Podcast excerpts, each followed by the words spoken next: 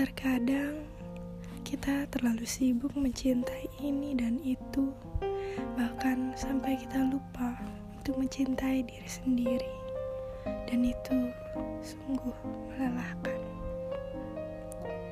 Mengapa manusia mulai lupa bagaimana cara untuk mencintai diri sendiri?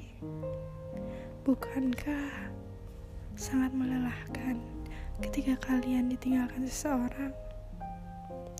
Jika diri kalian sendiri yang meninggalkan dirimu, betapa sunyinya.